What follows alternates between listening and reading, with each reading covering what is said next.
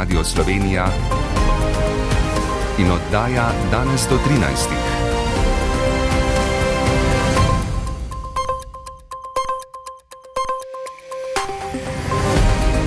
Ura je 13.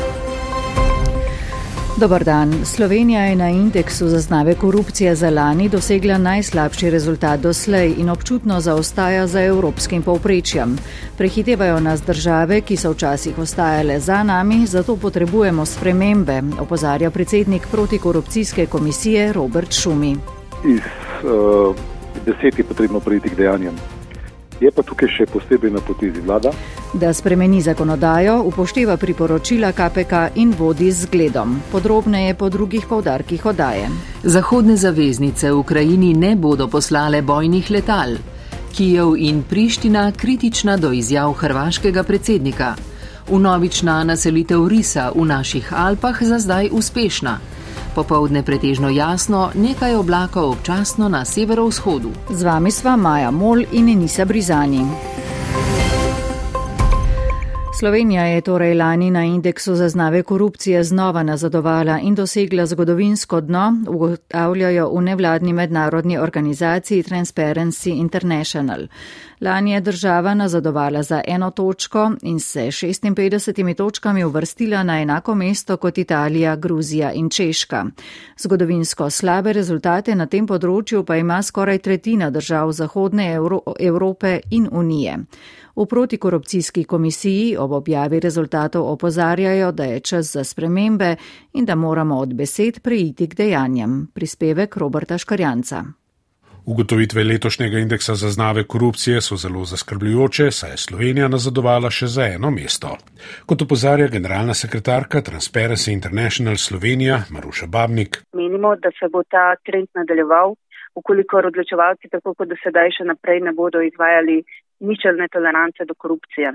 Rekordno nizka ocena Slovenije v indeksu zaznave korupcije pa po besedah predsednika protikorupcijske komisije Roberta Šumija daje dodatno težo prizadevanjem KPK ter opozarja, da je čas za spremembe. Besed je potrebno priti k dejanjem ker z rezultatom, pa čeprav gre zgolj za percepcijo in ne dejansko stanje, zagotovo ne moremo biti zadovoljni. Situacija v Sloveniji je namreč primerljiva s tisto v državah naše soseščine, kjer so točke povsod padle oziroma ostale enake v primerjavi z lanskim rezultatom. Počasi pa nas dohitevajo ali pa že prehitevajo države, ki so včasih ostajale za nami. Kot opozarja šumi, pa izgleda, kot da mi stopicljamo na mestu, prav zato potrebujemo spremembe. Na potezi pa je predvsem vlada. In sicer s tem, da se spremeni zakonodajo, na katero se že dlje časa upozarja, da je pomankljivo urejena, da se upoštevajo naše priporočila, ne zgolj, da se z njimi strinja in pa da vodijo zgledom. Moralni kapital, da to storijo, pa imajo.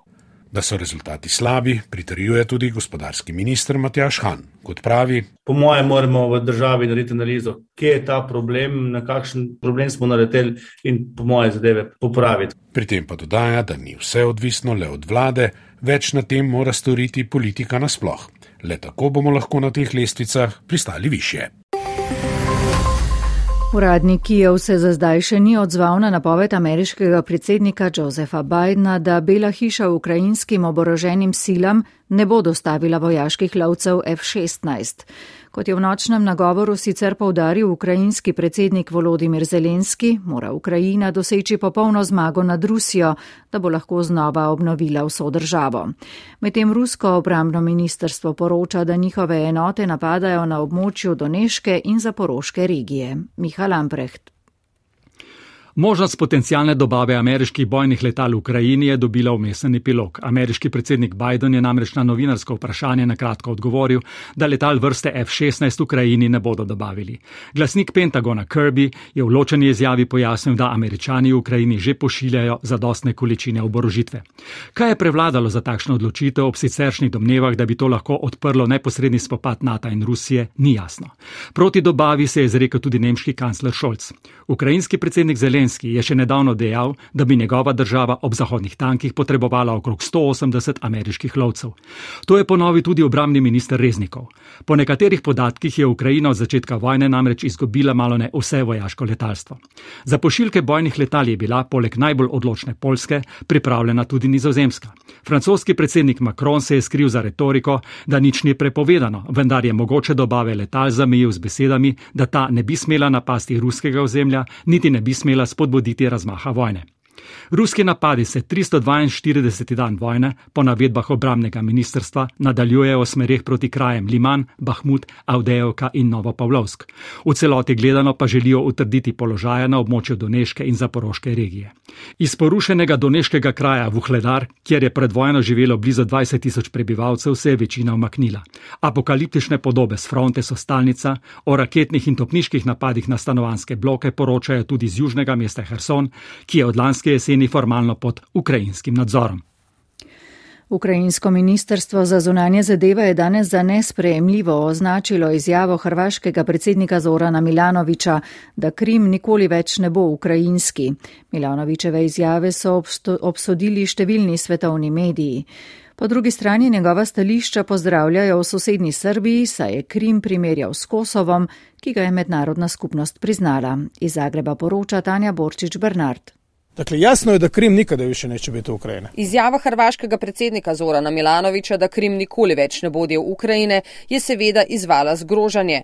Zanima me, ali bi Zoran Milanovič s takšno retoriko postal predsednik svoje države v 90-ih letih, ko se je Hrvaška borila za ohranitev državnosti in ali bi pristal na okupacijo dela njenega ozemlja, je zapisal tiskovni predstavnik ukrajinskega zunanjega ministrstva Oleg Nikolenko. Da se je Milanovič obrnil k populističnemu nacionalizmu in da zastopa proruska stališča, menita britanski Guardian in agencija Associated Press, kar so povzeli številni svetovni mediji. Milanovič namreč javno nasprotuje pošiljanje pošiljanju orožja v Ukrajino, bil je proti članstvu Finske in Švedske v NATO, blokiral pa je tudi urjenje ukrajinskih vojakov na Hrvaškem. Ono je oteto od Srbije. Kosovo je izuzeto iz Srbije. Jel tako? Jesmo priznali Kosovo? Jesmo. Mednarodna skupnost je Kosovo ukradla Srbiji s tem, ko ga je priznala. Milanovič primerja Kosovo s Krimom in pravi, da je to argument, ki ga Rusija lahko vsekakor uporabi. Čeprav je dejal, da je tudi sam za samostojno Kosovo, so v Srbiji njegove izjave dočakali kot potrditev, da je Kosovo Srbijo oduzeto na mednarodno pravno nezakonit način.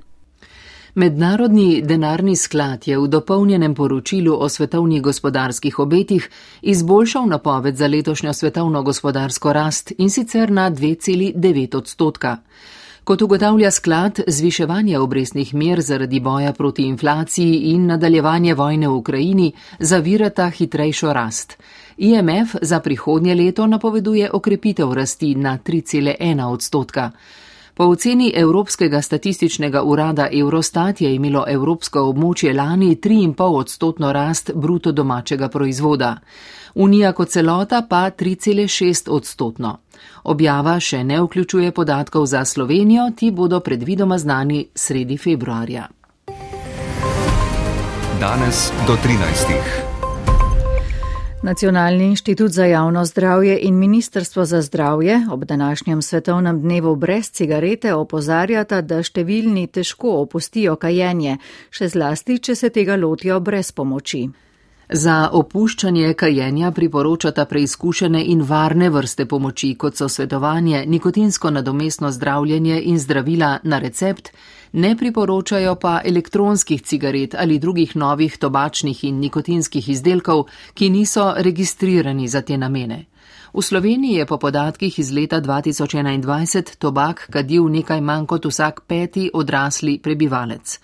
Sicer pa bo naša država v skladu s strategijo za zmanjševanje posledic rabe tobaka v letu 2040 družba brez tobaka.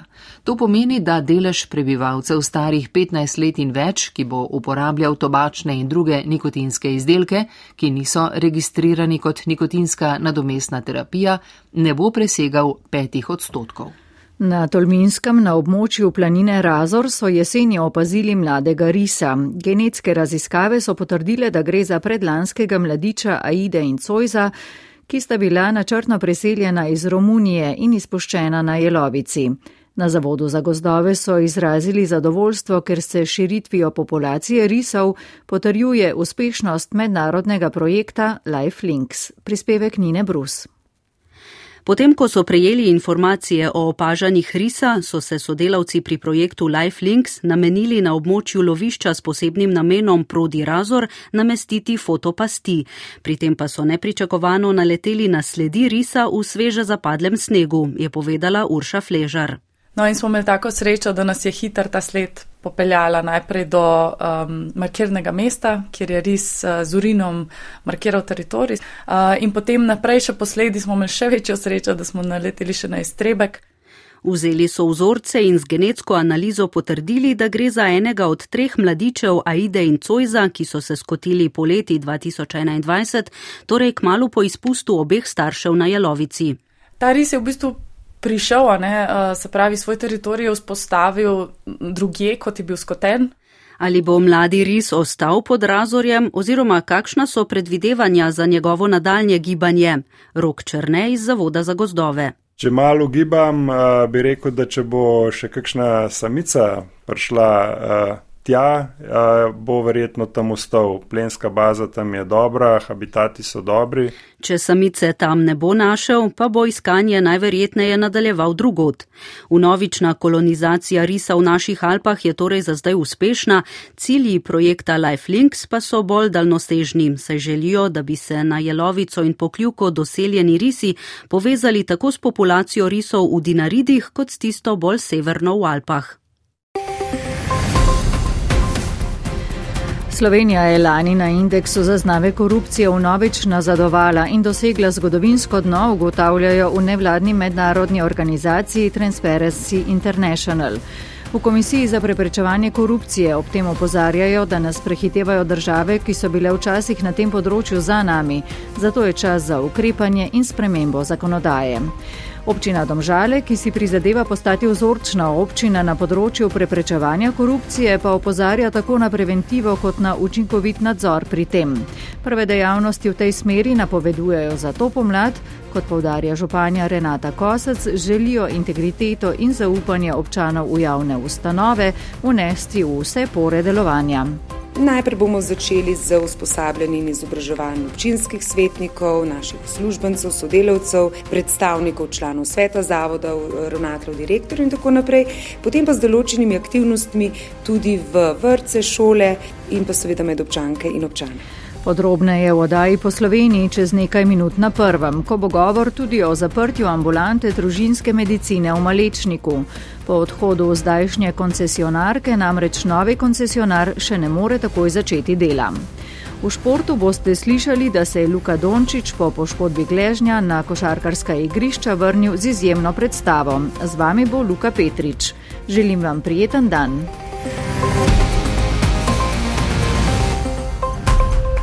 Luka Dončić se je po izpuščeni tekmi v Salt Lake City vrnil z eno svojih najboljših tekem v ligi NBA. Proti Detroitu je dosegel skoraj polovico točk svoje ekipe, zbral jih je 53, k temu je dodal 8 skokov in 5 asistenc. Dončić je zgrešil le 7 od 24 metov iz igre, le enega za dve točki. Detroit je vodil za točko po treh četrtinah, Dala se je potem odlepil na začetku zadnje in majhno prednost ohranil do konca, zmagal je za šest šest in je trenutno šesta ekipa Zahoda. Vsaj 40 točk sta dosegla še Lillard in Murray na tekmi Portland-Atlanta, Lillardov Portland je zmagal štirimi točkami razlike. Danes se v večini največjih evropskih nogometnih lig konča zimski prestopni rok. Nekdani član Brava Amir Feratovič, ki je v tej sezoni igral v drugi portugalski ligi za Ištrelo iz Amadore, bo do konca sezone član Lizbonske Benfike, evropskega prvaka, posojen bo do poletja, ko bi ga lahko Benfika odkupila za milijon evrov, poroča portugalski časnik Rekord. Nogometni klub Olimpija pa je sporočila, da je Nogometna zveza Slovenije odpravila sklep o prepovedi registracije igralcev, saj je klub poravnal vse nesporne obveznosti. Danes je bila ustanovna seja strokovnega sveta za šport, gre za organ, ki bo v novi politični ureditvi športa združil 17 strokovnjakov iz različnih športnih sfer, cilj pa je sodobno organizirati slovenski šport. Ena od osnovnih nalog sveta bo pripraviti nov desetletni program športa v Sloveniji, zadnji program se namreč izteče letos. Z Japonske pa poročajo o tragični novici nekdanjega svetovnega prvaka v snežnem žlebu. Američan Kyle Smain, ki je zlato medaljo osvojil v smučanju prostega sloga v Krajšbergu pred osmimi leti, je umrl na turnem smučanju, potem ko je reševalna ekipa po plazu njega in še enega smučarja našla brez znakov življenja v prefekturi Nagano. Poslušali ste oddajo danes do 13. urednica Barbara Cujnik, voditeljica Enisa Brizani, napovedovalka Maja Mol, tonski mojster Peter Lebar.